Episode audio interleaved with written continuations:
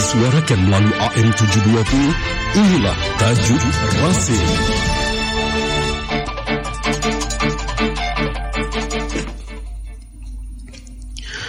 Tajuk Rasil edisi hari Rabu 28 Robiul Akhir 1444 Hijriah 23 November 2022 Catatan dari Forum Perdamaian Dunia ke-8 di Solo oleh Imam Syamsi Ali Presiden Nusantara Foundation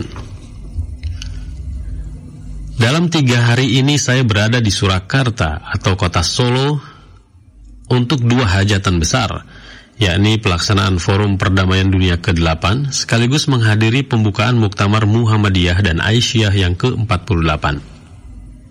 Bagi saya kedua acara ini merupakan kebanggaan. Muktamar Muhammadiyah membanggakan saya sebagai tamatan pesantren Muhammadiyah.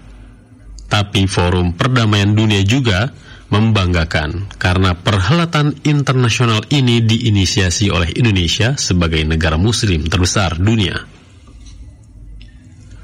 Perhelatan Forum Dunia untuk Perdamaian ini bertemakan Human Fraternity and the Middle Part as the Pillar of Peaceful, Just and Prosperous World.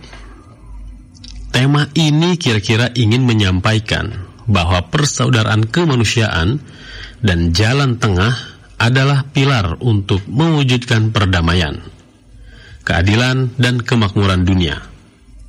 Para pembicara yang latar belakangnya berbeda hadir, antara lain perwakilan Vatikan, Katolik, Wakil Syekh Al-Azhar, Muslim, maupun dari kalangan Hindu dan agama-agama lainnya. Bahkan ada sesi khusus tentang nilai ketimuran ditampilkan pembicara dari Konghucu dan Buddha. Semua pembicaraan mengarah kepada bagaimana menguatkan persaudaraan kemanusiaan universal demi terwujudnya perdamaian, keadilan, dan kemakmuran dunia. Pada sesi pembukaan acara ini hadir juga beberapa tokoh nasional Indonesia untuk menyampaikan pandangan-pandangan tentang tema forum. Hadir antara lain Bambang Susatyo, Ketua MPR RI, Bapak Yusuf Kala mantan wakil presiden dua periode, dan tokoh lainnya. Walau pada semua sesi ada pembicara-pembicara yang telah ditentukan, namun semua peserta punya kesempatan untuk menyampaikan pandangan atau ide berkaitan dengan tema-tema pembahasan. Sehingga relatif hampir semua peserta punya kesempatan untuk berbicara pada forum ini. Saya pribadi pada kesempatan tersebut secara singkat menyampaikan beberapa pandangan berkenaan dengan tema bahasan. Ada tiga poin penting yang saya sampaikan pada kesempatan yang sangat singkat itu. Pertama, saya menekankan bahwa pembicaraan mengenai perdamaian, keadilan, dan kemakmuran menjadi hambar, bahkan hampa, ketika kebebasan hilang dari kehidupan. Saya mengingatkan peserta muslim khususnya bahwa esensi la ilaha illallah adalah kebebasan hakiki. Saya secara khusus merujuk kepada konteks Palestina. Yang di acara itu, dubesnya juga hadir sebagai peserta. Masalah Palestina yang tak kunjung mendapatkan kebebasan atau kemerdekaannya. Kedua, pembahasan persaudaraan kemanusiaan menjadi tidak relevan ketika dunia dengan ragam imajinasi terfragmentasi secara tidak adil, dikotomi dunia kepada barat dan timur yang kemudian melahirkan peradaban barat dan peradaban timur, bahkan agama barat dan agama timur merupakan bagian dari paradoxial behavior, perilaku paradoks dalam menyikapi persaudaraan kemanusiaan itu. Masalahnya pembagian dunia itu bukan berdasarkan geografis, tapi lebih kepada cara pandang yang membagi manusia kepada barat dan timur. Barat sebagai penggambaran kemajuan, kekuatan, peradaban, dan seterusnya, sementara bangsa timur adalah sebaliknya.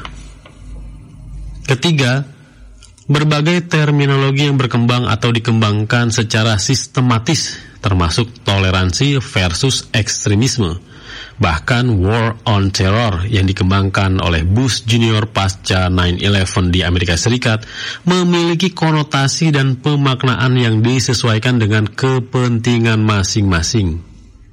Dan karenanya, terminologi-terminologi yang dikembangkan harus terdefinisikan secara jelas. Termasuk kata middle part itu sendiri yang diterjemahkan dari kata wasatiyah yang diambil dari Al-Quran. Pada kesempatan khutbah Jumat bersama peserta forum yang beragama Islam, saya juga menguatkan lagi bahwa konsep persaudaraan kemanusiaan bukan hal yang baru bagi umat Islam ini. Konsep ini juga bukan pertama kali dicetuskan oleh Syekh Azhar dan Faus Francis, tapi justru merupakan godly declaration atau deklarasi Allah dalam Al-Quran termaktub dalam An-Nisa ayat 1 dan Al-Hujurat ayat 13. Juga deklarasi kemanusiaan universal Rasulullah Shallallahu Alaihi Wasallam ketika menyampaikan khutbah wada di Padang Arafah berabad-abad yang lalu. Hal penting lainnya dari Forum Dunia untuk Perdamaian ini adalah diluncurkan apa yang disebut Global Fulcrum on Islamic Middle Part semua gerakan global untuk menjadikan wasatiyah Islam sebagai mainstream beragama. Tentu sekali lagi hal ini bukan baru, bukan hal yang baru bagi umat ini. Memang dikenal dengan umatan wasatan. Tapi ini merupakan bahagian dari keseriusan umat untuk menyelesaikan berbagai kecenderungan radikal dalam kehidupan. Tentu tidak saja dalam kehidupan beragama, tapi hampir dalam semua aspeknya termasuk ekonomi dan politik.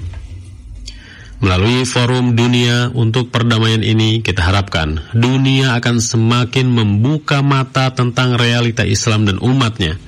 Seperti yang saya sampaikan sebelumnya bahwa salah satu ancaman terhadap human fraternity adalah adanya imaginary view of one another yaitu kecenderungan menilai orang lain tidak berdasarkan fakta, tapi lebih kepada imajinasi-imajinasi yang dikembangkan khususnya oleh media dunia. Dalam hal ini, umat harus mengambil kendali. Wallahu a'lam bissawab.